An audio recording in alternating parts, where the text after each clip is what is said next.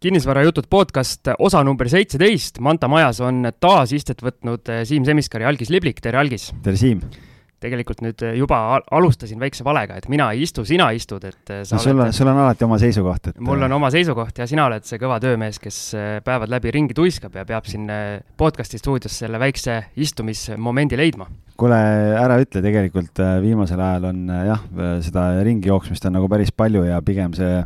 kuidagi istumise osa on ka, aga see tuleb kuidagi õhtuti uneaja arvelt tihtipeale, nii et ega see osa on vaja ka ära teha. aga täna siis äh, meie suurtele fännidele rõõmuks oleme me stuudios kahekesi. juhei, ja me, me oleme, me ise tegelikult selle üle, selles mõttes väga rõõmsad ei ole, et minu arust külalistega on alati väga põnev rääkida, aga noh, eks siis äh, saab täna selle võrra sulle natukene rohkem puid alla panna kui tavaliselt. absoluutselt, seda ma olen valmistunud selleks, aga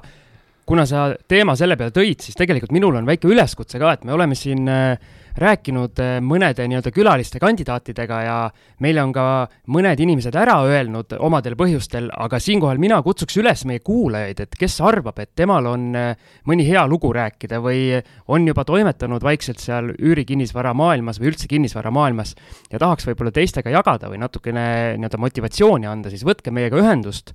ja räägime läbi ja võib-olla kutsume teid siis külaliseks, sest eh, ega meie need silmad ja kõrvad ka igale poole ju ei, ei ulatu. jah, sest tegelikult meil ju grupis, Facebooki grupis juba inimeste hulk hakkab kahele tuhandele lähenema, nii et, et seal ma usun, neid pärleid jagub ja ja, ja me ei räägi ainult Tallinnast, vaid ikkagi ka ütleme siin erinevad Eestimaa piirkonnad, et üritame ikkagi kogu Eesti ära katta, et tekiks tervikpilt, kuidas kuskil Eestimaa otsas siin kinnisvararalli käib. ja absoluutselt ja me ei oota mitte ainult nii-öelda väga kaugele jõudnud jõudnud investoreid nagu Kalle Aron või ma ei tea, Kristi Saare meil siin käinud on, vaid ka näiteks täielikud algajad, kes võib-olla ei olegi oma esimest tehingut veel teinud, aga tükk aega on mõelnud, et just tulla rääkima seda poolt, et võib-olla kuidas see, sellest alguse krambist üle saada või võib-olla just see saatesse tulemine paneb mõtted kuidagi teistmoodi liikuma. jah, või seal võib olla ka see pool, et tänu saatele on keegi saanud inspiratsiooni ja hakanud, ma ei tea, raha koguma näiteks, et osta oma esimest kinnisvara ja, ja jagada seda kogemust, et kuidas see teekond läheb ja ja, ja, ja mis see kaugem eesmärk on ja nii edasi, nii et kirjutage julgelt, aga Siim, kuhu kirjutada? jah, võite kirjutada minule otse meili peale siim.rahajutud.ee see meiliaadress on meil kenasti kirjas ka Facebooki grupi eh, reeglites või ja, kuidas seda nimetatakse. algis neid reegleid seal grupis teeb mina, ma ei, reegleid ei tee, aga ma olen nii-öelda mõned kokkulepped kirja pannud, millest võiks lähtuda, kui me seal koos äh, elame. just, ja rääkides siis eh, meie kinnisvarajuttude Facebooki grupis, siis äh, lõpp, lõpu sai äh, kinnisvarakooli poolt äh, algatatud äh,, kuidas me ütleme siis äh,, loosimäng või äh,? kogemuslugude jagamise just. Mäng. jah, et äh, väga huvitavaid lugusid tuli. Tõnu Toompark isiklikult valis siis äh, neli, ütleme siis võitjat, kes endale tema poolt äh, ütleme, kirjastatud raamatu siis said esimene raamat muuseas, Algis, sai mul meie lindistuspäevaga arvestades eile üle antud ja väga õnnelik võitja oli vastas, ütles, ütles veel meile kiidusõnad ka, et, et me teeme tänuväärset asja ja ma seal vaikselt punastasin. Õnneks... No, ma, ma kujutan ette, kuidas sa selle pilgu maha viskasid. absoluutselt, õnneks oli väga niisugune jäine ja külm ilm õues, et põsed liiga punaseks ei läinud. või olid juba enne piisavalt punased? no jaa, mine sa tea ja. aga ühesõnaga saime jälle natukene kiitust, et ma siin tahtsin sulle selle edasi anda. no väga tore, suur tänu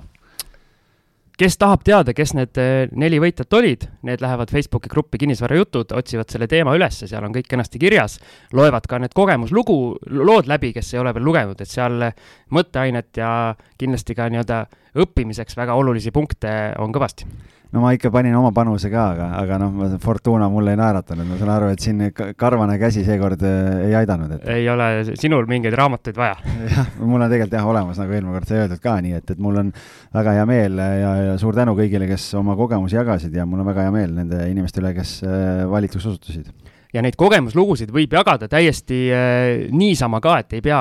meie poolt algatatud teema selle jaoks olema, et kui midagi mõttes on, mõni küsimus või loo, nii-öelda lugu, et Facebooki grupis alati tehke julgelt postitused, päris aktiivseks meil seal läinud on ja tundub, et äh, päris selline mõnus õhkkond ka, et äh, saavad inimesed abi ja saavad arutada ja jaa, nii et, et karta ei ole vaja, et lolle küsimusi pole olemas, on vähe infot lihtsalt, nii et andke tuld aga tänane saade siis selline, et kõigepealt natukene räägime saate esimeses pooles meie enda tegemistest ja siis teises pooles mõtlesime, et läheme algise kõige südamelähedasema teema ehk Airbnb eh,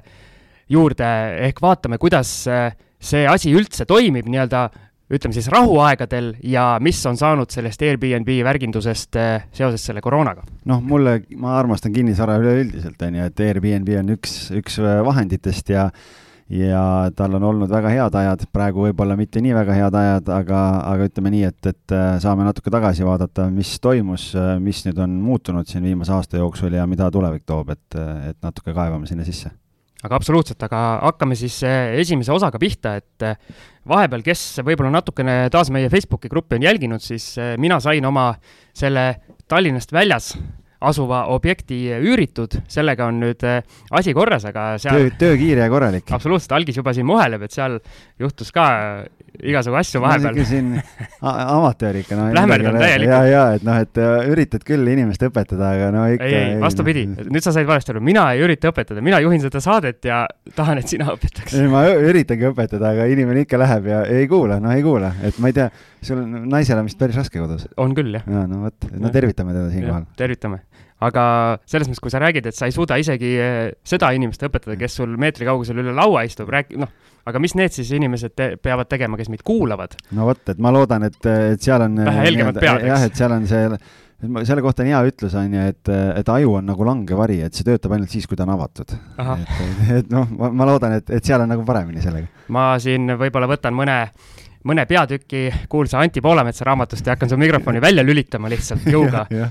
et nii saab võib-olla saade vähe paremaks. ei no eks siin ega omad vitsad peksavad, ega midagi ei ole teha, et aga okay., aga noh, laseme siis, laseme siis inimestel ka kuulata, et mis sa seal kolistasid. ühesõnaga, hakkame pihta, et äh, korter, äh, mis ma siis ostsin, asus äh, või asub siis siiamaani Vaidas. tegemist on põhimõtteliselt kakskümmend minutit autosõitu mööda, mööda Tallinna-Tartu maanteed ja kohe ta Tartu maantee ääres on, et ma ise elan Jüris, ehk siis ütleme siis Tallinnast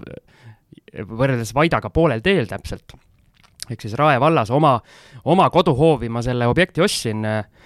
ostuprotsess, ma ei, ma ei mäleta, kas me mingis saates nagu kajastasime ka seda, aga no sa võid põgusalt üle käia võib-olla, et äh, on nii-öelda tervikpilt. jah, et see läks selles mõttes kiirelt, et niipea kui kuulutus tuli, ma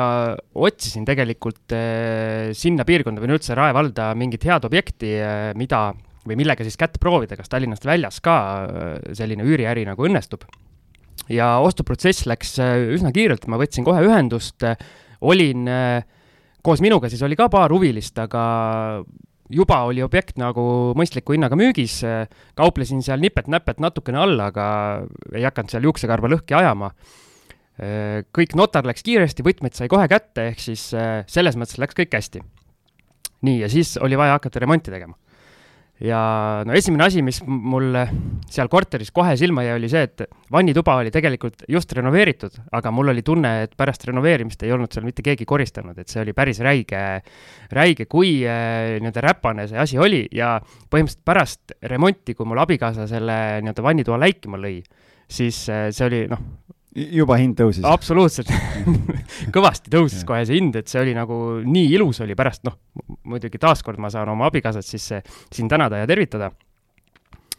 aga siis äh, tol hetkel ma panin ka need pildid sinna meie gruppi, kus oli nii-öelda tapeet oli maha tõmmatud ja see, kui ma nüüd ei eksi, samal päeval, kui notar oli, siis ma õhtul läksin sinna laamendama. oli jah, sama õhtu jah? jah, et põrandad üles äh,,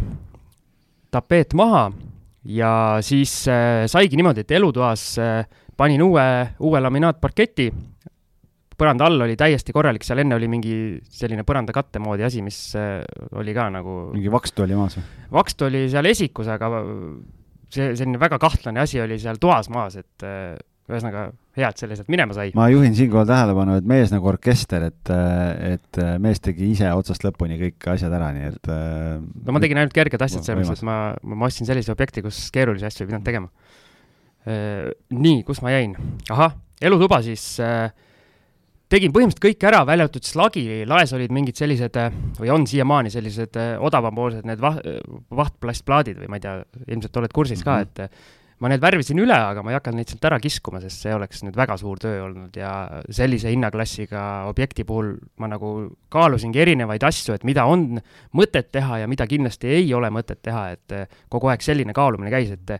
üks asi, mis ma oma kogemust ütlen, et kindlasti kui teeks äh, korterit nii-öelda endale koduks, see on hoopis teine asi, kui sa teed äh, nii-öelda üürimiseks, mitte selles mõttes, et äh, ma tahaks nii-öelda üürilistele midagi halba pakkuda, vaid ikkagi on ju mingid asjad, mis lõpus nagu ei anna nii palju positiivset efekti näiteks, et saaks äh, üüri rohkem küsida või see isegi seal sees elades ei anna nii palju positiivset efekti, aga mida kodu jaoks ikkagi teeks teistmoodi. nojah, ja inimeste nii-öelda nõudmised ja soovid äh, on ka erinevad, et selles mõttes jah, et üle investeerida ei ole mõtet. just, see oli hea sõna, üle investeerimine, et äh, seda ma otsisingi, et see, mul kogu aeg siis mõttes käis, et mida, mida teha selliselt ja mida mitte, et ma eeldan, kui me pärast Airbnb-st räägime, siis nendes korterites vastupidi, peab tegema sellist nii-öelda rohkem luksust, seda üleinvesteerimist, et oleks kõik näha, et kõik ja, oleks viimase peal. Äh, jah, vastupidi, just Airbnb-s on tegelikult ikkagi nii-öelda, jah, sellest räägime hiljem, aga et seal peab jah, nii-öelda ikkagi, kui teha, siis teha väga hästi just, et äh, samamoodi siis esikus sai äh, võetud tapeet maha, põrand üles, seal oli selles mõttes lihtsam, et äh, sai seinad värvida, et seal olid seinad päris heas korras, ei pidanud uuesti tapeediga katma, et natuke pahteldamist ja siis läks värv peale. siis oli seal selline, selline panipaik, selle ka täielikult siis nii-öelda tegime korda, uus tapeet, siis uus põrand ja muud nipet-näpet, et kapid, asjad sisse ja köögis äh, üldiselt jäi kõik samaks, panin äh, uue õhupuhasti, sest see seal nagu täielikult puudus, vedasime seal äh, nii-öelda torud ka, küsisin veel korteriühistu käest, et seal seinas üks auk oli, siis igaks juhuks kutsusin ühistu, ühistu esimehe. et ega hiired pole käinud, et, et on ikka õige asi? jaa, küsisin igaks juhuks äh, ühistu esi, esimese käest, esimehe käest, et pärast võib-olla mingi kalapraadimise hais läheb teistele kuskile tuppa, on ju, et äh, neid probleeme ju suurtes majades on äh, on no, väga tihti. noh, nagu meil siin ehituskaitsebüroost Marko ju rääkis, et see on pigem selline igapäevane mure. just, et äh, öeldi, et jah, võid ühendada, ühendasin ära, see sai tehtud. ükski naaber pole kurtmas käinud veel? no ma ei tea, kas seal on kala praetud praegu uute üürnike poolt. Pole küsinud? ei ole veel küsinud, jah. nädala menüüd ei tea seda ma ei küsinud jah, lepingus meil kirjas no, ei, ei ole. ei pannud lepingu lisaks. söömas kahjuks käia ei saa. lepingusse punkt, et kala ei tohi teha igaks juhuks aga, ja siis mööbel, mööbli võtsin taaskasutusena, et seal meil grupis äh, tervitama Kristjan Kerest, et äh, ta seal uuris ka natukene mööbli kohta ja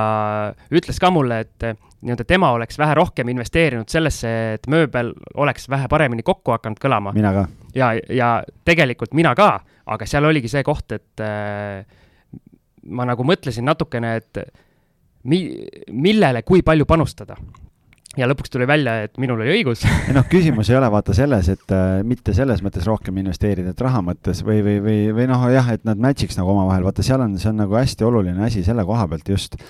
et see on see emotsioon, mis sealt pildi pealt tekib, et, äh, et kas sa vaatad nagu tervikut, et äh, see ongi ja täna noh, sinu korteri puhul seda ei saa öelda, et ta oli nagu värskelt äh, ilusaks tehtud ja, ja see mööbel ju iseenesest, et noh, ta oli heas seisukorras ja kõik oli okei. Okay,, aga noh, ma täna ikkagi nii-öelda äh, üürileandjatele paneks nagu südamele, et kui ma vaatan neid pilte portaalides ja, ja nende korterite seisukorda, siis ma ütleks nii, et äh, üürnik on ka inimene, et mulle kohati jääb nagu mulje, et äh, ah, suva on ju, et äh, et mul on viimase kümne aasta jooksul siin garaaži kogunenud äh, erinevaid asju, mis on, üks on rohkem ligadi-logadi kui teine ja noh, pah, panen sinna üürikorterisse, aga see üürnik, kes tuleb, et ega see, et ta ei, ei suuda sul rohkem kui kolmsada viiskümmend eurot üüri maksta, ei tähenda, et ta inimväärset äh, või normaalset äh, nii-öelda korterit ei tahaks endale, et selles mõttes ikkagi, et pange nii-öelda ennast sinna, et kas te ise istuks selle vana äh, nii-öelda kolme, kolme jalaga tabureti peal, millest üks jalg on kohe ära kukkumas küljest, et, et tegelikult see on ikkagi hästi-hästi oluline teema, et, et panustage sinna natuke rohkem. jah, selles mõttes minul oli mööbel, nagu sa ütlesid, oli väga heas korras, ehk siis ma oleks istunud äh, ja istusingi seal diivanil väga, väga mõnusalt äh, mingi hetk. aga jah, et. tegid testmagamise ka ära või? kusjuures ühe korra tegin jah, ja ühe öö ma seal veetsin. ma, ma ei seal... hakka küsima, miks sa seal veetsid, onju, las, noh, las see jääb, onju. las see jääb, jah, üksi olin. jah, ja ei, ma mõtlengi, et, et, et. aga jah, et selle, siit ma võtan selle kaasa, et nii-öelda visuaalses mõttes äh, tõenäoliselt ma järgmine kord panustan äh, veidi rohkem äh, sellesse, et just see nagu hakkaks nagu nii-öelda kokku kõlama rohkem. no ma saan, tegelikult saan aru ka, et selles mõttes, et eks seal ongi see vahe, et kas sa ostad äh, uue mööbli korterisse või sa ostad kasutatud ja kui sa kuskil Facebooki gruppidest otsid, siis seal on nagu mitu asja, et üks on see, et sul nina alt võetakse mingid asjad ära ja teine asi on see logistiline pool, et hakata siin äh, bussi rentima või, või, või mingeid asju ja erinevast äh, linna otstest mingit mööblit kokku vedama, et see on paras äh, aja ja rahakulu ja lõpuks pead hakkama õunte pealt võrdlema, et kas sul nagu tasub ära see logistika üldse või ei tasu, et et selle koha pealt ja kui kogu aeg Facebookis ei ela ka, et noh, ega siis ei olegi nii lihtne, et siis võib andeks anda. aitäh! aga eelarve koos mööbliga ütleme, renoveerimise eelarve, siis oli mul seatud eh, kahe tuhande euro peale ja üllatavalt hästi läks täppi, et seal mingi paarisajaga ma üle läksin, ehk siis no kuule, see on kümme prossa. nojah, seda küll, kui nii hakata mõtlema no,, täielik pettumus. okei okay,, okei okay. aga see oligi see, et eh, see üleminek oli täpselt see, et ma tahtsin üürilisele pakkuda rohkem, kui ma võib-olla alguses mõtlesin no aga see tegelikult noh, see paar tuhat, see suurusjärk, ma arvan, see on oluline teada tegelikult, et, et kui palju siis sellise korteri puhul, kui ise teha ja ja, ja vaadata selline korter, kus sa kööki ja vannituba ei pea tegema, et noh, mis need suurusjärgud nagu on, et mm. -hmm. ja siis äh, tuli see üürimise protsess äh,, kus äh, alguses ma tulin välja siis üürihinnaga kakssada üheksakümmend, ma natukene algisega siin äh, leppisin, mitte ei leppinud kokku aga arutasin ka seda asja ja algis arvas, et äh, pigem mine peale natukene nii-öelda kõrgema hinnaga, et alla saab alati tulla, eks. ma, ma nagu. ja ma mõtlesin, pane kõrgem, aga, aga ma ei näinud seda kõrgemat hinda. ei no see oligi see kõrgem hind, mille ah,, okay. millega ma arvestasin. ja ütleme nii, et ma panin kuulutused eh, kahte portaali, KV ja Kinnisvara kakskümmend neli ja Facebooki gruppidesse. Ja siis ma tegin sellise asja ka, mida ma varem ei ole nüüd teinud, eh, ma printisin, eh, kujundasin kuulutused paberi peale, printisin välja ja, ja läksin, panin sinnasamasse Vaita ja siis ka Jürisse panin äh, nii poodide juurde stendidele kui ka bussipeatustesse. ja kas sa tead, kust tuli lõpuks? tean, tuli lõpuks äh, Facebooki gruppidest põhiliselt. aga tuli ka selle nii-öelda füüsilise kuulutuse peale. oo, väga äge. Aga selle füüsilise kuulutuse peale helistati juba siis, kui mul oli üürnikega nagu kokku lepitud ja käed löödud, et äh, pärast tegid korjandusringi ka, et korjasid kõik sildid ära või on ei ole teinud, siiamaani on üleval, jah. no väga hea, testid turgu. ja siiamaani võib, nüüd, kui kõned tulevad, siis tulevad puhtalt selle pealt, ehk siis on hea teada, et et kas see asi töötab ja kui palju töötab. aga üks, mis oli teistmoodi võrreldes minu kogemusega Tallinnas üürides, oli see, et selliseid nii-öelda tühjasid päringuid oli vähem. Ehk siis eh, kui tavaliselt äh, olen kuulutuse üles pannud äh, Facebooki gruppidesse, siis hakkab kohe tulema selliseid, selliseid inimesi, kes tegelikult kuulutust läbi ei loe ja hakkavad nii-öelda kirjutama, et tahan rohkem infot saada. aga minul oli seal Facebooki kuulutuses konkreetselt kirjas, et kui soovite rohkem infot, siis äh, vaadake siia portaali kuulutusse, siis oli see nii-öelda KV, KV-link, nii, ja kui inimene võtab minuga ühendust ja ütleb, et tema tahab veel rohkem pilte ja rohkem infot, siis ma saan aru, et ta ei ole mu kuulutust isegi lõpuni lugenud. ja siis äh, põhimõtteliselt sellistele ma jätsin isegi vastamata ja üks, üks selline päring tuli ka, et üks välismaalane küsis, kas mustanahalistel seal piirkonnas on turvaline. helistasid vallavanemale, küsisid? ei küsinud, vaatasin kuritegevuse statistika üle nali naljaks. Tegelikult kirjutasin, et ma arvan, et on, aga sealt rohkem vastust ei tulnud, nagu ma arvasingi ma arvan, et ta ei teadnud, ta arvas, et see on mingi Tallinna linnaosa, et, et ma arvan, et kui ta oli tumedanahaline, siis ta ei saanud arugi, et see, et see, kui sul inglisekeelset teksti ei olnud, et see on, ma ei tea, twenty kilometers from Tallinn stiilis. ja nüüd sa tõidki selle hea asja välja, et ma selle lööklausena kasutasingi seda, et kakskümmend minutit äh, Ülemiste keskusest mm -hmm. ja päris palju, võrreldes siis sellega, kui palju kontakte tuli, päris palju just tuli selle peale, kes kelle huvi oligi, et äh, just selle Ülemistega on äh, üsna hea nagu äh, ühenduvus. okei okay.. et seal see tundus müügiks minevat. lõpuks siis käis kohal kolm inimest ja ma korra siia torkan veel vahele ka, et tegelikult Siim on jube kärsitu mees et pani kuulutuse üles ja kirjutab mulle, et, et vist sai ikka liiga kõrge hind, et jube, jube vaikne on, onju. ma ütlen, noh, et palju sul huvilisi on siis. ei no siin iga päev paar tükki kirjutab, et nagu siin ma ütlen, see on väga, see on väga hästi, et äh, see on väga okei okay., arvestades, et see ei ole, ei ole Tallinna kesklinn ka veel, et see on nagu väiksem piirkond, siis ma ütleks, et uh, hold your horses ja nagu tahad ikka ju kiirelt kohe. no ikka, ikka, noh, see on see mikrolaineahju ühiskond, et kõike on vaja kiiresti ja eile ja, ja kohe. ja ei no lõpuks tegelikult läks ülikiirelt, kuue päevaga oli mul äh, alates kuulutuse panemisest äh, oli äh, üürnik sees. mis on ikkagi, ma arvan, väga kiire. see on väga hästi. ja no põhimõtteliselt käiski, nagu sa ütlesid, et eh, üks kuni kaks kontakti päevas ja tuli veel pärast seda ka paar päeva, kui ma juba kuulutuse maha võtsin, nii-öelda nagu inertsist, pidin neile kahjuks ära ütlema, aga lõpuks sain siis sellise üürilise, ma ei tea, kas me saame nimetada motiveeritud üürilise, kellel oli vaja just päris hea termin. jah, kellel oli vaja just sinna piirkonda ja ta oli jäänud, eh, või nad olid jäänud, et see oli noor pere või on noor pere siis Äh, nad olid jäänud just ühest korterist ilma, kus äh, nad jõudsid ka väga nii-öelda lähedale, peaaegu olid, äh, peaaegu olid saanud ja neil oli natuke juba kiire ka. ja nemad olidki, siis selles mõttes mul käis kaks inimest vaatamas, kellest üks ütles, et jah, et nädala lõpus ta võtaks selle ära, aga tegin talle taustauuringu ja sealt tuli välja niisuguseid asju, mille peale ma olin sunnitud talle ära ütlema. aga ma sain seda kasutada selle nii-öelda üüriliste, järgmiste üüriliste, kuidas ma ütlen,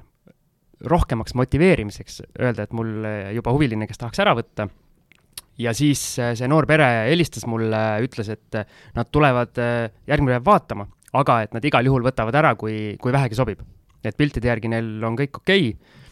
Ja siis põhimõtteliselt järgmine päev oli, äh, oli siis meespool oli kohal tagatisraha oli taskus ja põhimõtteliselt läks kohe tehinguks. Aga ma, räägime korra sellest, et mina tean tausta detaile, tõenäoliselt ei ole vaja avalikustada, aga, aga räägime natukene võib-olla sellest poolest ka, et, et üks asi on see, mis taustauuringus välja tuli, aga räägi võib-olla sellest äh, kogemusest või tundest, mis sul kohapeal tekkis selle üürnikuga, et noh, see nii-öelda, kui me oleme rääkinud sellest, et üks asi on küsida küsimusi üürniku käest, teine asi on see, et äh, nii-öelda äh, jälgida või noh, et kuidas ta käitub või mis ta teeb või no sa räägid sellest kõhutundest, eks? just, just, et see kõhutunne või nii-öelda, et äh, räägi sellest kogemusest ka, et see on kindlasti hästi oluline teada no. sellega oligi huvitav, et see, see oli selline, ütleme siis keskealine mees, kes tuli sõbraga ja, ja tuli korterisse, oli seal umbes no minut võib-olla maksimaalselt. Käis köögis, käis, käis toas, siis tuli esikusse ja ütles, et jah, reedel ma võtan. Ja siis ma ütlesin, et oot-oot, et äh, paluks nime ja isikukoodi, et ma teen nii-öelda taustauuringu ka ja siis saame edasi suhelda. Ja siis äh, andis oma, andis oma andmed äh,, siis ütleme nii, et juba esimese guugeldamisega tuli äh, või sai mul selgeks, et ma ei saa, ma ei saa teda võtta enda korterisse, ma siin nii-öelda täpsemalt ei lahka, aga igaks juhuks ma tegin veel äh, sealt krediitinfost tegin nii-öelda maksekäitumise selle päringu ka ja võib vist öelda, et õnneks olid seal ka kehtivad äh, maksehäired üleval. absoluutselt jaa, et äh, no ma ütlen selle Google'i peale see, et ega, eks me kõik teeme elus vigu, on ju, et äh, küsimus on, et mis see taust seal taga on. aga jah, et kui, kui sa nii-öelda seal ka punasesse viskas, noh siis, siis pole üldse midagi arutada. siis on nagu lihtne, siis on nagu lihtsam ära öelda, et äh, selle peale, mis Google'ist välja tuli, on nagu võib-olla natukene selline nii-öelda keeruline ära öelda aga jah, selle nii-öelda kehtiva maksehäire peale ju seal ei ole mingit küsimust, et see on väga hea põhjus. ja siis loomulikult tegin ka oma sellele noorele perele selle maksehäire uuringu, küsisin veel algise käest, et kas, kui tuleb kaks inimest elama, et kas on vaja mõlemal teha. algis loomulikult ütles, et on. Jah, no sellest me ühes äh, episoodis põgusalt rääkisime ka, aga, aga siinkohal jah, nagu oluline üle rõhutada, et, äh, et võlaõigusseadusest tulenevalt äh, on õigus siis üürnikul eluruumis majutada oma abikaasat, vanemaid või lapsi, aga elukaaslane ei ole abikaasa, ehk et kui on tegemist mitteabielus olevate inimestega, siis peab mõlemad panema lepingu osapooleks, sest siis nii on korrektne. Vot, ja sellest, sellest edasi nüüd tegingi ma suure, suure vea no siin nüüd jõuame, kuulete seda ämbrit kolinat juba või ei kuule, et mul on jah, siiamaani üks ämber veel jala otsas yeah. rippumas. ühesõnaga nagu ma ütlesin see noore pere meespool tuli kohale, tal oli juba tagatisraha, oli taskus, mina olin arvestanud sellega, et lõi uimaseks ära sind ühesõnaga? ei, mitte see, no mitte päris see, mul on ikkagi mõned vabandused ka juba varnast võtta. et mina olin arvestanud sellega, et me teeme lepingu digitaalselt ja me saame nii-öelda digiallkirjastada. koha peal tuli välja, et äh, ühel poolel on digiallkirjastamise võimalus, aga teisel poolel ei ole. aga minul kõlas ikkagi siis äh, peas see algise, algise käsk äh, panna mõlemad lepingusse. ehk siis mõlemalt saada allkiri ja siis kuidagi jäi see asi õhku rippuma selliselt, et äh, ma, ma lubasin, et ma, et, et ma prindin siis äh, need lepingud välja ja tulen äh, hiljem tagasi. Aga me juba nii-öelda raha vahetas äh, omanikku ja võtmed ma andsin ka võtmed üle. nii, ja siis ma, ma nagu esialgu mõtlesin, et, et mina sain, või tähendab, minul sellega suuri riske ei ole. Et pigem on sellel nii-öelda üürilisel, et tema ju nii-öelda maksab ühe kuu üüri ära, maksab ka tagatisraha ära ja saab küll võtmed kätte, aga no selles mõttes nagu ilma lepinguta no,. aga siis ma helistasin algisele tegelikult on vastupidi, et sinul on risk, sellepärast et äh, sul pole kehtivat lepingut ja võõrad inimesed on su korteris ja ja, ja mis ma Siimule siis telefonis ütlesin ka, et et see ei ole notaris käimine, et teen tehingu ära ja saan raha kätte ja, ja tšau pakaa, aga et siin on ikkagi küsimus selles, et see raha sul järgmistel kuudel ka tuleks, et see ei ole nagu ühekordne linnukene kirja saada, vaid oluline on ikkagi teha protseduuriliselt kõik asjad õigesti, et, et enda seljatagune oleks nii kindel ja öösel saaks nii rahulikult magada kui võimalik ja ja nii et, et jah, et, et pigem mitte kiirustada ja, ja kui minu soovitus äh, sellises olukorras on ikkagi see, et kõigepealt äh, täpsustada üle, enne kui minna korterit üle andma, et äh, kas digitaalne allkirjastamise võimalus on olemas. kui üürnik ütleb, et ei ole, siis te saate kohe juba välja printida lepingu. ja teine asi on see, et et, et, et kui siis kohapeal selgub ikkagi mingi, mingi tõrge või mingi takistus või mingi asi, et ma ei tea, oi, et et äh, tegin küll ülekande, aga, aga ei ole üle tulnud äh, üürisumma veel, siis ütled okei okay,, aga noh, ma enne ei saa üle anda korterit, kui raha on laekunud ja lepite uue aja kokku, et, äh, et parem karta kui kahetseda. et, et see ei ole selline kiire asi, et ah, sain kaelast ära, et, et seal ikkagi tuleb nagu hästi läbimõeldult tegutseda. Et õnneks siis minul, minul kõik läks hästi, kahe päeva pärast läksin tagasi, panime lepingule allkirjad äh, siis eh, selleks ajaks see pere oli juba põhimõtteliselt sisse kolinud, oma, oma asjad, asjad juba sisse toonud ja nii-öelda elu käis. ja ütlen ära, et ei diskrimineerinud mitte kedagi, on, on väike laps, on isegi koduloomad, ehk siis super, super., tubli, hea korteriomanik, et aga, aga jah, et ma noh, veel kord võib-olla siia kokkuvõtteks lihtsalt öelda seda, et ega et noh, võib tunduda, et ah, et, et ei maksa üle mõelda või nagu üle ka papistada, aga, aga tegelikult on see, et et äh, jah, mina usun ka, et kõik inimesed on ilusad ja toredad ja head, aga sõltumata sellest me ikkagi kuuleme kogu aeg neid lugusid, kus äh, kellelgi on pro probleeme puhküürnikega ja ja, ja mingi äh, laekumiste ja asjadega probleemid, et, et, et miks siis ise endale seda auku kaevata, et, et pigem ikkagi nii-öelda teha natukene rahulikumalt, aga nii, et oleks tehtud õigesti. absoluutselt, et mina võib-olla saangi siis selles mõttes hea õppetunni, et ma tegin küll vea ära, aga suurt, suurt karistust nagu ei järgnenud. noh, ütleme, et äh, hea, et niigi läks et, et, et jumal tänatud mm. -hmm. ühesõnaga siis kuus nädalat äh, läks kogu aeg notarist kuni äh, üürilepingu allkirjastamiseni, mis äh, oli enam-vähem selles plaanis, nagu ma arvasin. ma ütlesingi üks kuni kaks kuud, ehk siis ta läks täpselt sinna vahepeale. ja siis numbritest rääkides, üheteist kuu äh, üürisummaga arvutades tuleb tootluseks äh, kaheksa koma viis protsenti. Aga ma eeldan, ma eeldan, et reaaltootluseks tuleb seal üle üheksa, kuna no see nädal näitas, et äh, ilmselt äh, sealt suurt, suurt vakantsi ei hakka olema, et et noh, kuna sa rääkisid seda taust, tausta ka, et seal äh, lapse, lasteaiakoht ja kõik asjad ja noh, et näha on, et inimesed ikkagi plaanivad siduda oma elu selle asukohaga seal, nii et, et, äh, et sul tõenäoliselt jah, seda äh, kui kõik läheb nii, nagu planeeritud, siis seda vakantsi ei teki sinna. just, ja isegi kui peab üürnikku vahetama, siis tõenäoliselt tundub, et kuna seal piirkonnas ikkagi pakkumist on vähe, noh, on ka nõudlust oluliselt vähem kui Tallinnas loomulikult, aga ikkagi mulle andis see nii-öelda julgust nagu äh, võib-olla vaadata veel edasi Tallinnast järg, järgmisena vaatad terve kortermaja juba või? no vaatame seda asja. ühesõnaga, kõige olulisem, mis, äh, mis mina sealt sain, äh, sain selle, et äh, arvestades, et äh, mul on kümneaastase laenugraafikuga või tähendab äh, tagasimaksegraafikuga laen äh, selle korteri peal, siis äh, ma sain positiivse rahavoo. noh, see on super. mida Tallinnas, ma eeldan, on väga-väga keeruline saada jah, see sõltub, äh, on võimalik saada ka omafinantseeringu osakaal. absoluutselt, jah, ma mõtlengi seda. et, et kui, kui nii-öelda seda strateegiat või lähenemist minna, et noh, et, et panen nii vähe, kui pank äh, küsib. siis, äh, et kui saad neljakümnega, et omaosalus nelikümmend, et siis no, tihtipeale kipub olema jeeli-jeeli null või, või punases. Minul on kolmkümmend protsenti seal omaosalus äh, sees ja ülejäänud ülejäänud on pangalaen ja selles mõttes olen ma väga rahul. Ma, ei, ma ütlen nii, et äh, tundub igati õnnestunud asi, nii et palju õnne sulle, hästi tehtud. aitäh! Ja saan jälle tervitada siin Kristjan Kerest, kes veel kommenteeris minu seda saagat Facebooki grupis ja andis mulle selles mõttes hea idee, et algis pakkus talle, et nüüd, nüüd kõik investorid siis vaita minu mängumaale sinna trügima, pigem ütlen, ärge tulge, otsige endale ma, oma. ma kirjutasin just vastupidi, ma ütlesin, et sinna ei maksa minna, et see on nüüd Siimu kuningriik, et sealt, sealt tuleb kaarega niipidi jah, otsige endale ja. oma väike alevik. jätke Siim rahule. aga tegelikult äh, ma olen nagu mõelnud, et kui nüüd tekib äh, mõni, mõni uus objekt äh, sinna, et ma portfelli hajutamise mõttes ilmselt äh, ei,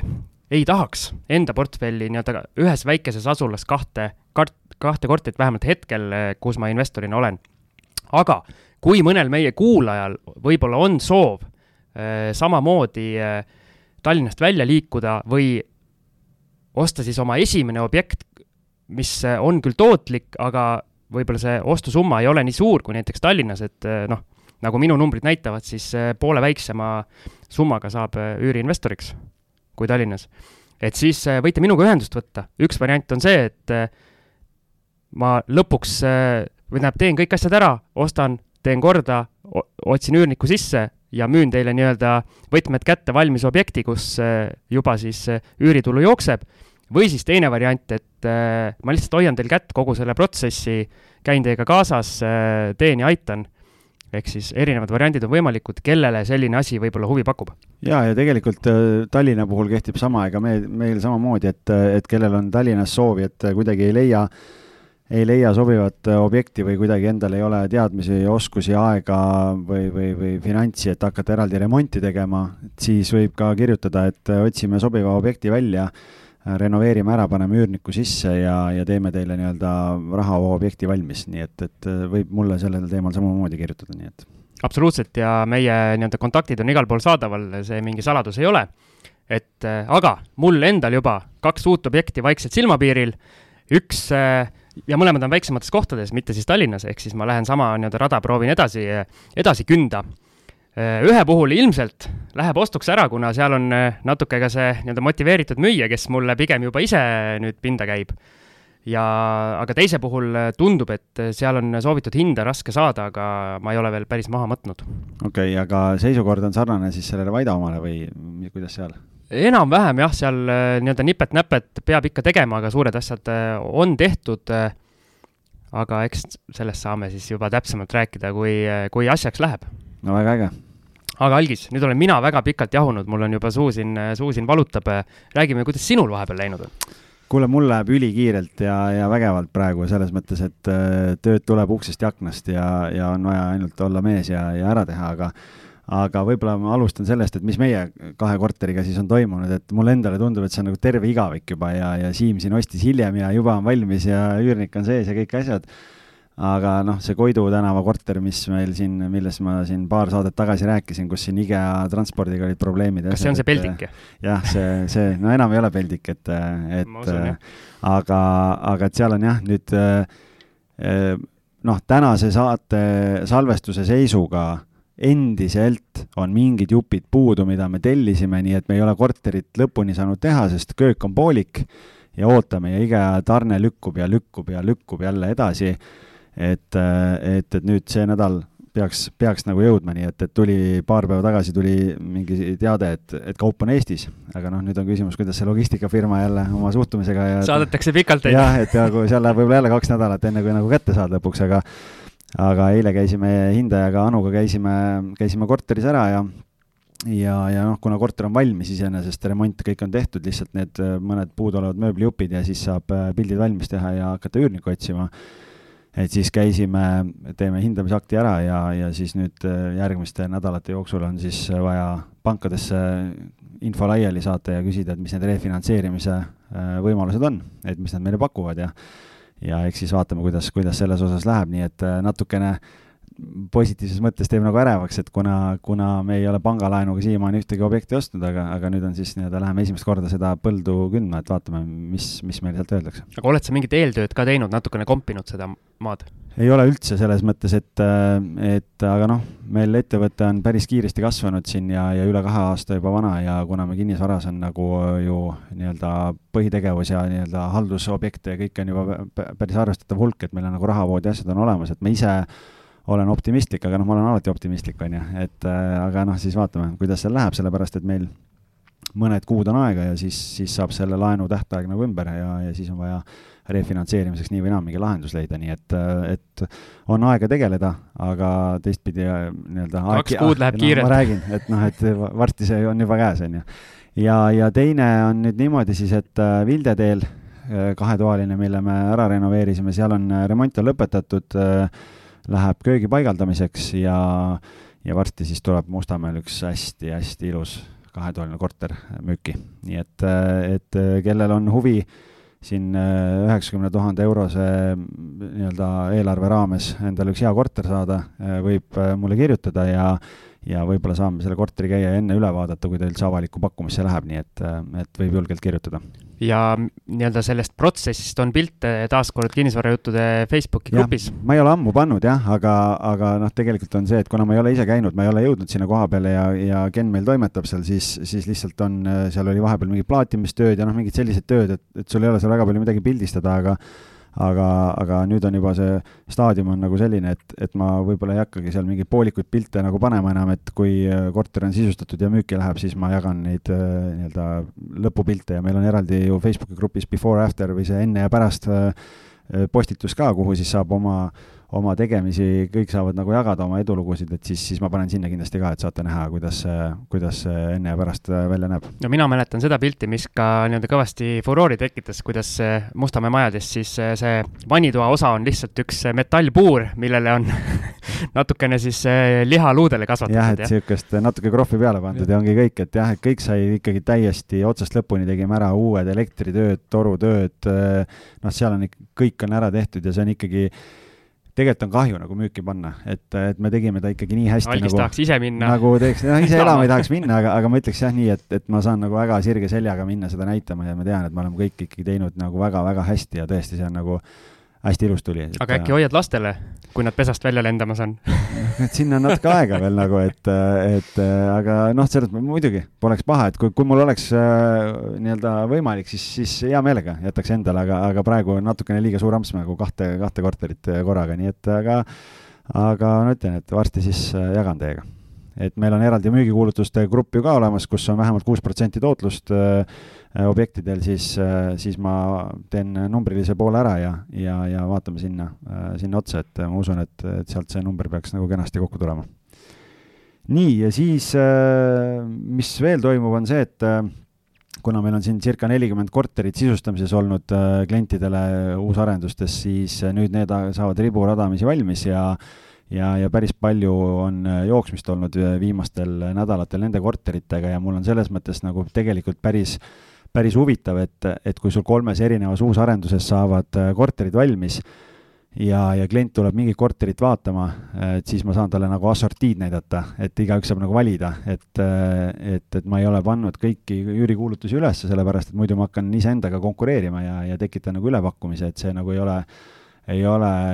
nagu mõistlik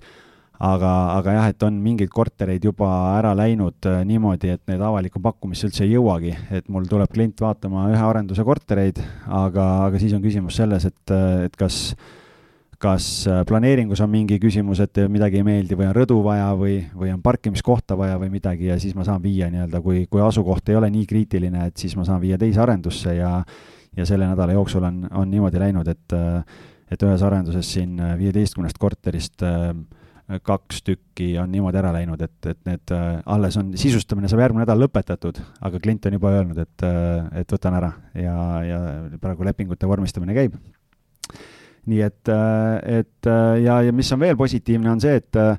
tervitan kõiki kuulajaid, kes mulle siin on kirjutanud, et, et viimaste nädalate jooksul on neid inimesi päris palju olnud ja, ja vabandan kõigi ees, kui mõni vastus on siin kolm-neli nädalat viibinud, sellepärast et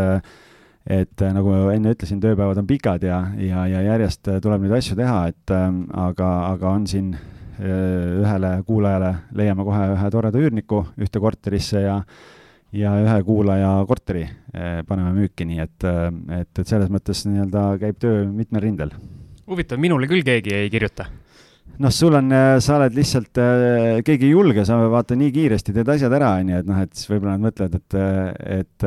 noh, et inimesed pole emotsionaalselt võib-olla valmis, et. ei no siin on kohe näha, kellel on kompetentsi ja kellel ei ole. jah, noh, see, see võib-olla ka, ma ei tahtnud ise välja öelda, onju, aga hea, et sa selle välja tõid. no absoluutselt. aga, ja siis töötan endiselt selle suure tehingu kallal, millest siin oli, oli juttu, nii et, et, et lõpp paistab aga, aga noh, niikaua kui notaris käidud ei ole, siis laskmata karunahka ei ole ilus jagada, nii et, et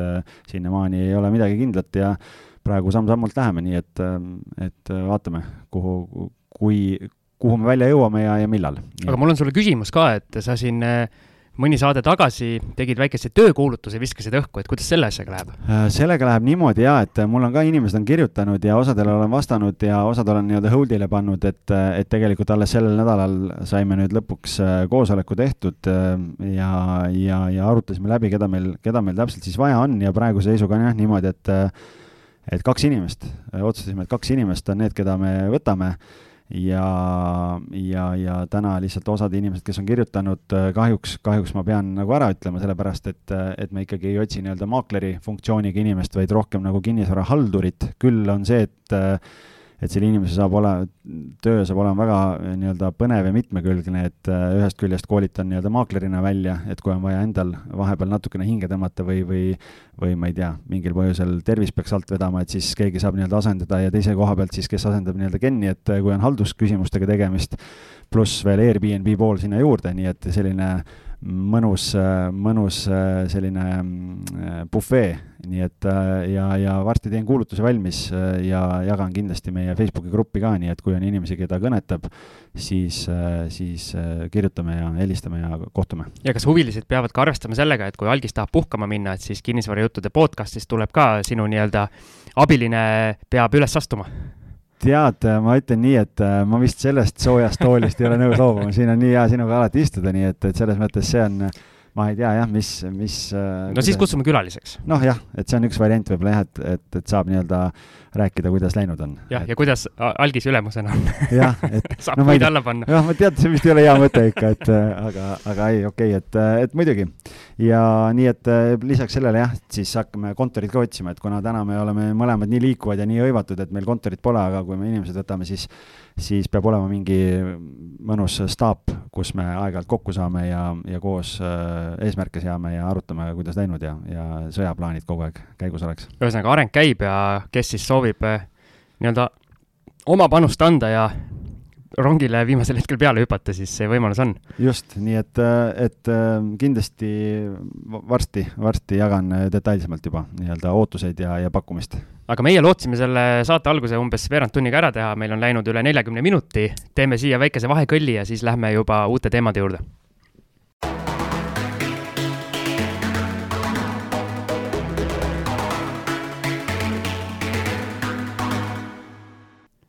väike puhkepaus tehtud ja kui Algis siin alguses tegi nalja, et äh, meie nii-öelda pausid äh, venivad täna pikemaks seetõttu, et minule tulevad kõned, siis mina muidugi lükkasin selle tagasi, aga mis juhtus? juhtus see, et mul just värske üürnik siis helistas ja pidin natuke asju ajama. kas juba uputab? ei uputa õnneks, äh, vähe nii-öelda ütleme, positiivsemad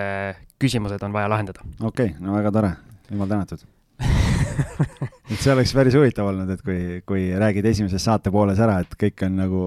priima ja siis tuleb, oih. jah, õnneks aga..., õnneks on kõik hästi. nii,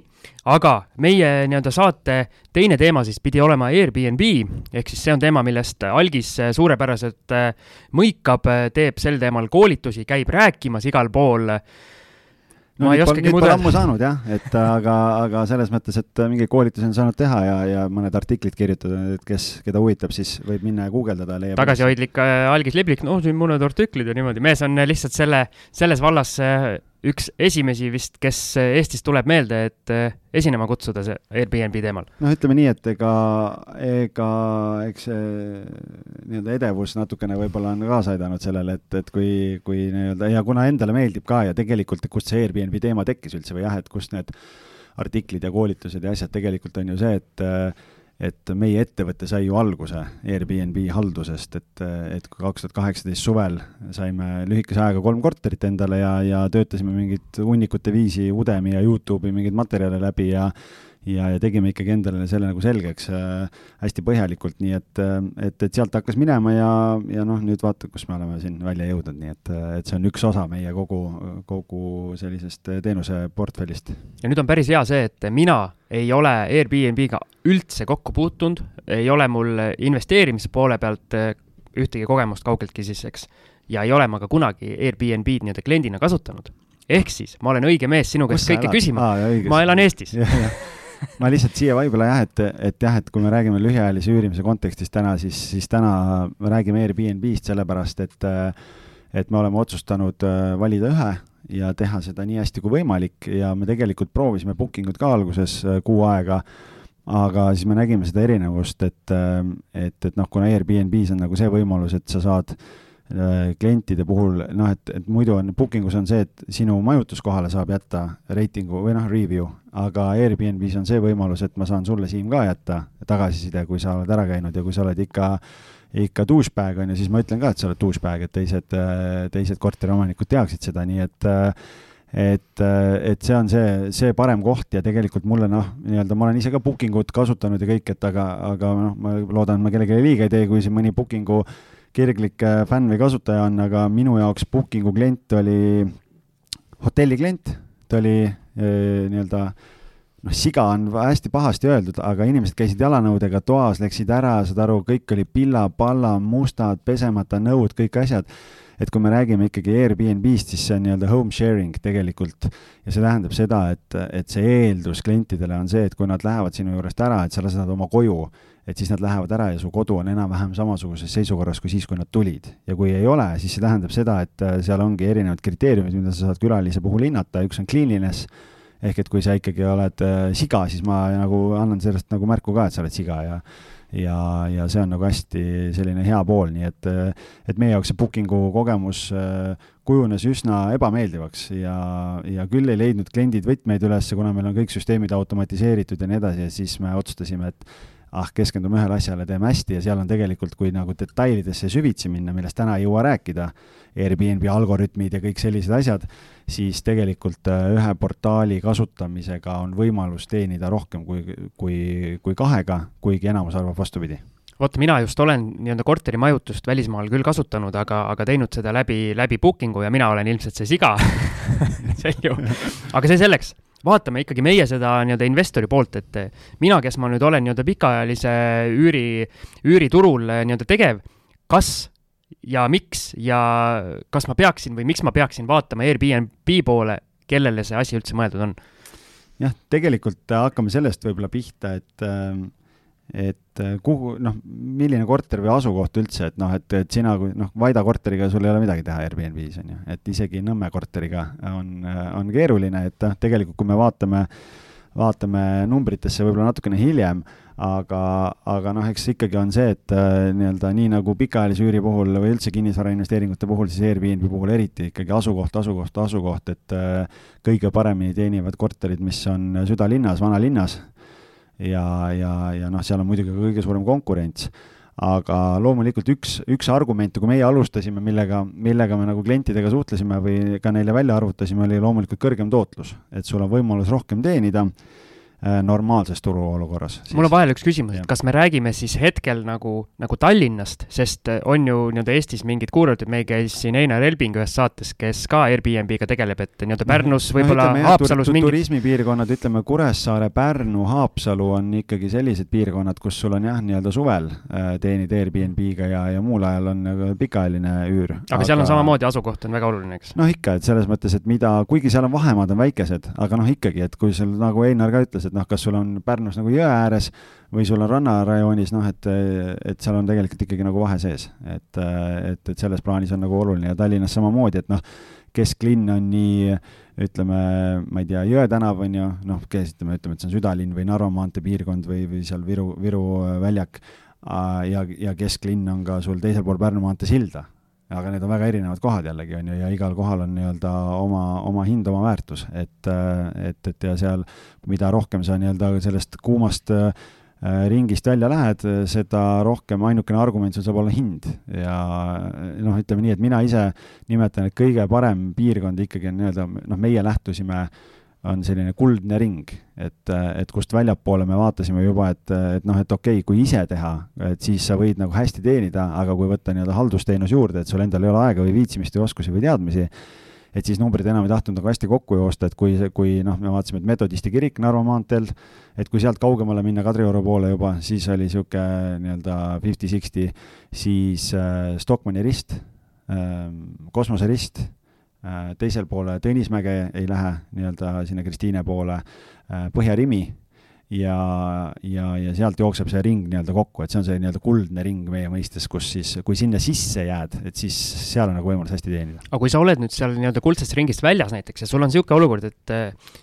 su see üürikorter on täpselt nii-öelda kõrvalkorter, ehk siis sa saaks võib-olla seda hinda hoida madalal, kuna sa haldad ise,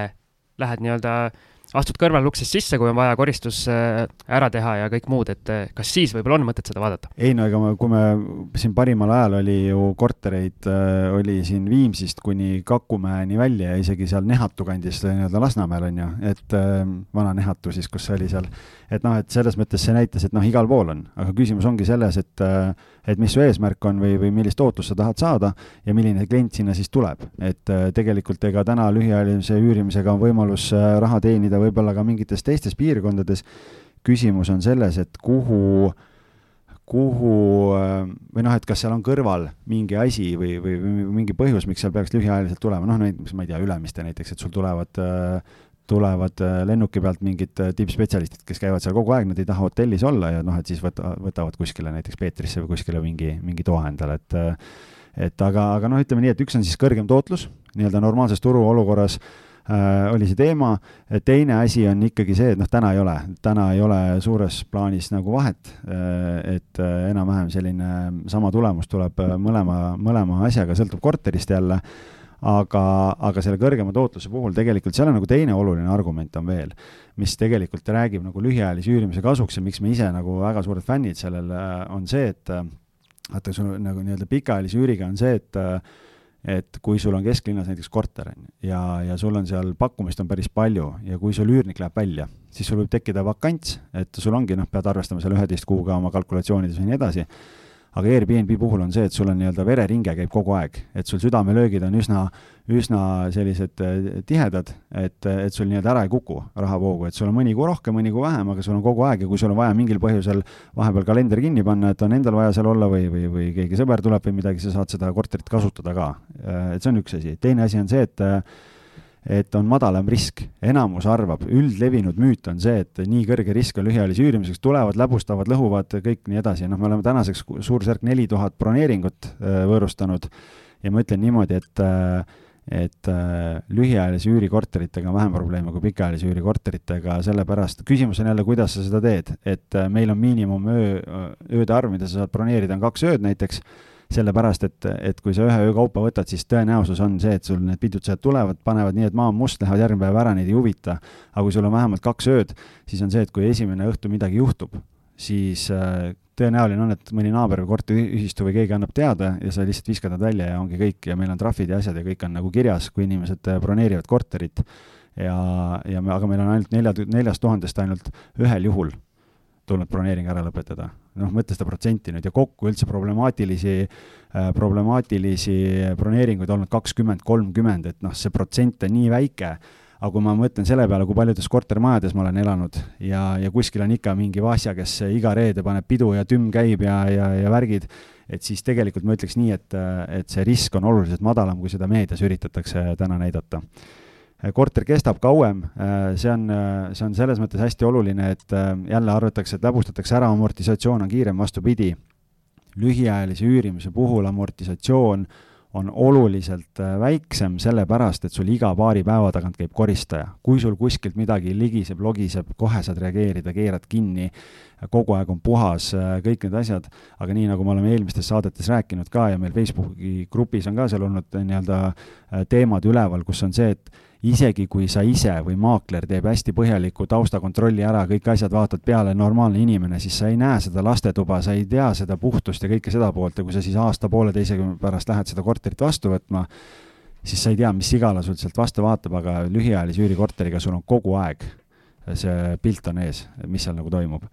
ja, ja üks hästi oluline teema ka, millest oleme siin varasemates saadetes rääkinud, on võimalus nagu maksudega optimeerida, see tähendab seda, et eelkõige, et kui sa ostad uusarendusse endale korteri,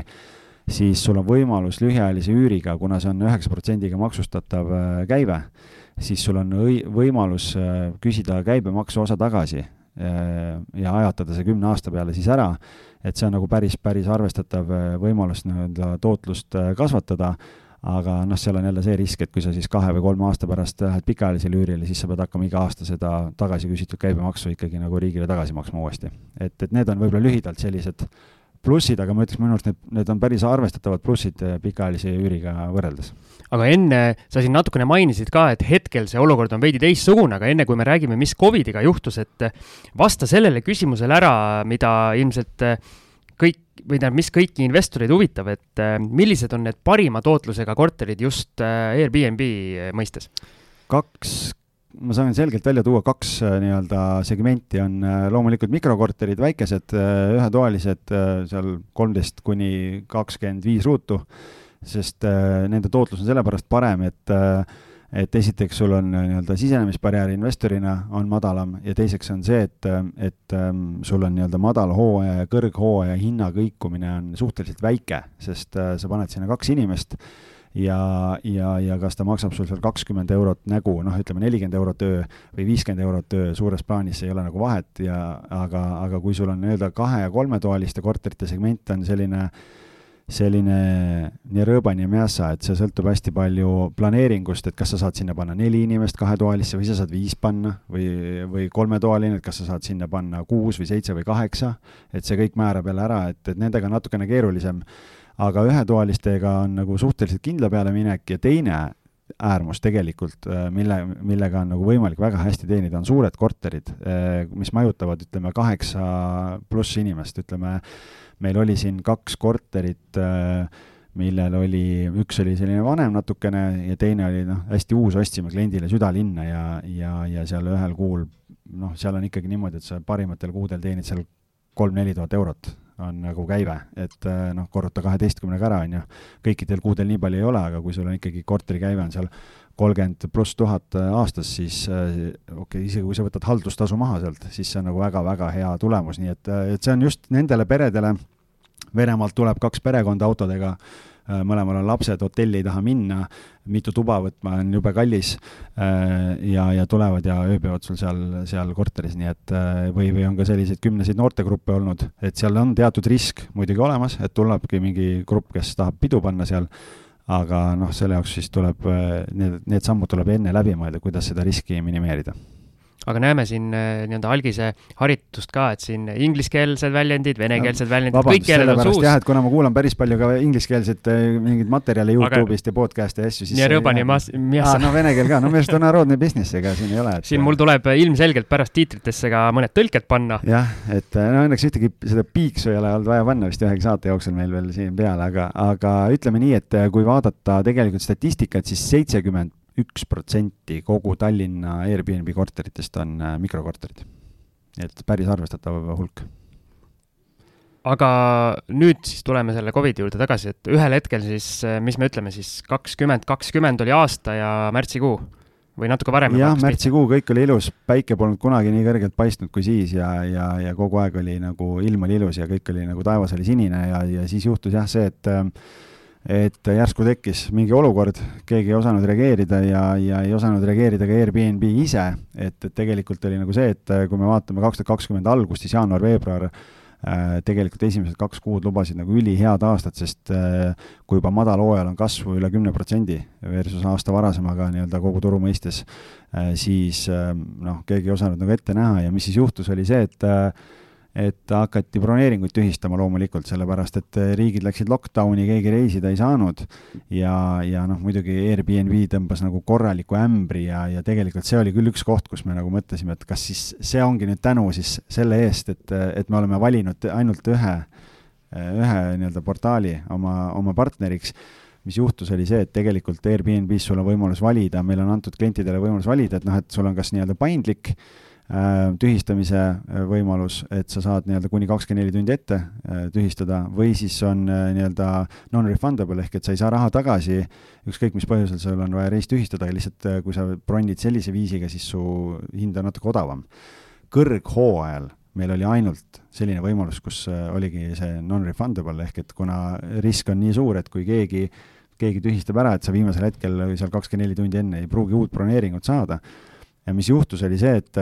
et Airbnb astus üle, üle oma host'ide peade ja nad tühistasid, kui klient tahtis tühistada broneeringut, siis nad kandsid kogu raha tagasi, ükskõik millise broneerimis- või selle tühistamisvaliku sa olid teinud, ehk põhimõtteliselt et, et kui sa oled ostnud omale viis või kümme korterit lühiajalise üürimise jaoks, sul on pangalaenud ja asjad on kaelas ja sul ühel hetkel tõmmatakse vaip jalge alt ära ja sul nagu cash flow kukub nulli, siis see on nagu päris, päris suur probleem ja tegelikult meil oli endal see, et äh, täna on turul hästi palju või noh, päris mitmed suured äh, äh, nii-öelda me, noh, nii-öelda konkureerivad ettevõtted, kes me, meie, meiega sarnast teenust pakuvad, aga nemad, nende mudel on nagu see, et nad võtavad üürile omanikult ja üürivad ise edasi. võtavad pikaajaliselt üürile, üürivad lühiajaliselt edasi ja, ja meil siin ettevõtted, kellel viiskümmend, seitsekümmend korterit ja kujuta nüüd ette, kui sul nagu rahavoog kukub nulli ära ja sa, aga sul on kohustus maksta üüri edasi omanikele, et äh, milline šokk ja, ja, ja minu teada vist kõik ettevõtted isegi ei jäänud ellu. et meil endal tekkis ka nagu see, et noh, meil, meie mudel on nagu teistsugune, et me jagame omanikega tulu, aga me läksime ka seda teed, et me kahe korteri puhul äh, võtsime, omanik tahtis pikaajalisele minna, me ütlesime, et okei okay,, kuule, aga toimivad hästi, et me võtame ise üürile ja, ja üürime edasi, et sa meid tunned ja, ja noh, kui nii-öelda kogemus on olemas ja läkski hästi, aga kui rahavoog ära kadus, siis meil oli natuke juba kogutud kapitali, et hakata endale ostma midagi. ja siis me mõnuga seal kolm-neli kuud maksime, lihtsalt oli nii-öelda kirves oli kuklas kogu aeg ja maksime üüri, aga enda raha sisse ei tulnud, et, et see sõi korralikult nagu seda kapitali ära aga ma mõtlen, meil oli kaks korterit, aga kui sul on kakskümmend, viiskümmend, et päris hull. et, et selles mõttes oli nagu päris, päris keeruline ja aga noh, kui, mis nüüd on aastaga juhtunud, on see, et kui, kui siin muidu oli niisuguse hüppelise kasvuga nagu pakkumiste arv kasvas iga aasta Tallinnas, kaks tuhat seitseteist oli veel tuhat seitsesada korterit, siis kaks tuhat üheksateist suvel kõige kõrgemal ajal oli kolm tuhat viissada korterit Tallinnas Airbnb-s pakkuda. nii et äh, tänaseks on alles tuhat viissada ja noh, see ongi see, mis on juhtunud, mida me näeme pikaajalise üüriturul, et kui kui, mida me Tõnu Toompargiga ka siin arutasime, et kui kogu aeg oli niisugune tuhat kuni tuhat kakssada pikaajalise üürikorterit pakkumisel Tallinnas, siis täna on niisugune tuhat kaheksasada kuni kaks tuhat. ehk pooled nendest on läinud pikaajalise üüriturule või, või noh, isegi rohkem, osad on välja üüritud lihtsalt, aga, aga, aga see pakkumine on päris kõrge ja loomulikult üks osa on kindlasti nagu müügiks ka läinud, et et, et on vaja olnud klientidel oma, oma kinnisvara realiseerida. Nii et, et täna on nagu, oleme tagasi neli-viis aastat äh, ajas, mis tähendab seda, et äh, kui turg taastub ühel hetkel, siis need, kes, kellel on täna kannatust ja nii-öelda pikaajaline strateegia, siis kui turg normaliseerub jälle, siis on võimalus väga hästi teenida. et äh, sest väga paljud nii-öelda õnneotsijad, kes tulid, et oh, easy money, noh, head jälle välismaine väljendus on ju, et noh, tulen nagu nii-öelda midagi tegema ei pea ja teenid nagu väga hästi raha et siis täna need on kõik, äh, plats on puhtaks löödud ja, ja on ikkagi nii-öelda professionaalsed tegijad on alles jäänud. aga minu küsimus nii-öelda pikaajalisel turul olles, et äh, hästi palju tuli, nagu sa just rääkisid, neid korterid pikaajalisele üürile, et kas nüüd, kui meil see reisimine hakkab vaikselt taastuma, kui see vaktsiin ikkagi lõpuks äh, hakkab mingit mõju, mõju avaldama, et kas need korterid lähevad kõik tagasi nagu enam-vähem samamoodi laksus sinna Airbnb turule või see hakkab niimoodi tilkuma, et äh, esiteks, et võib-olla lepingud ei, äh, lepingud ei saa kohe lõpetada ja see nii järsk nagu ei ole, see taastumine? ma arvan, et see ikkagi läheb väga vaikselt äh, või nagu step by step, sellepärast ongi, et üks osa on nii-öelda ajutiselt üürinud välja oma korterid äh, siin pikaajalised üüriturul ja tehakse ka kuuekuusi lepinguid siin aprillini, maini, natukene nii-öelda Pärnu mudelit, on ju ja, ja teine osa on need, kes ma arvan, et said oma vitsad kätte et ja, ja ei julge tagasi tulla, et, et ma arvan, et see taastumine ikkagi võtab nagu aega, et, et, et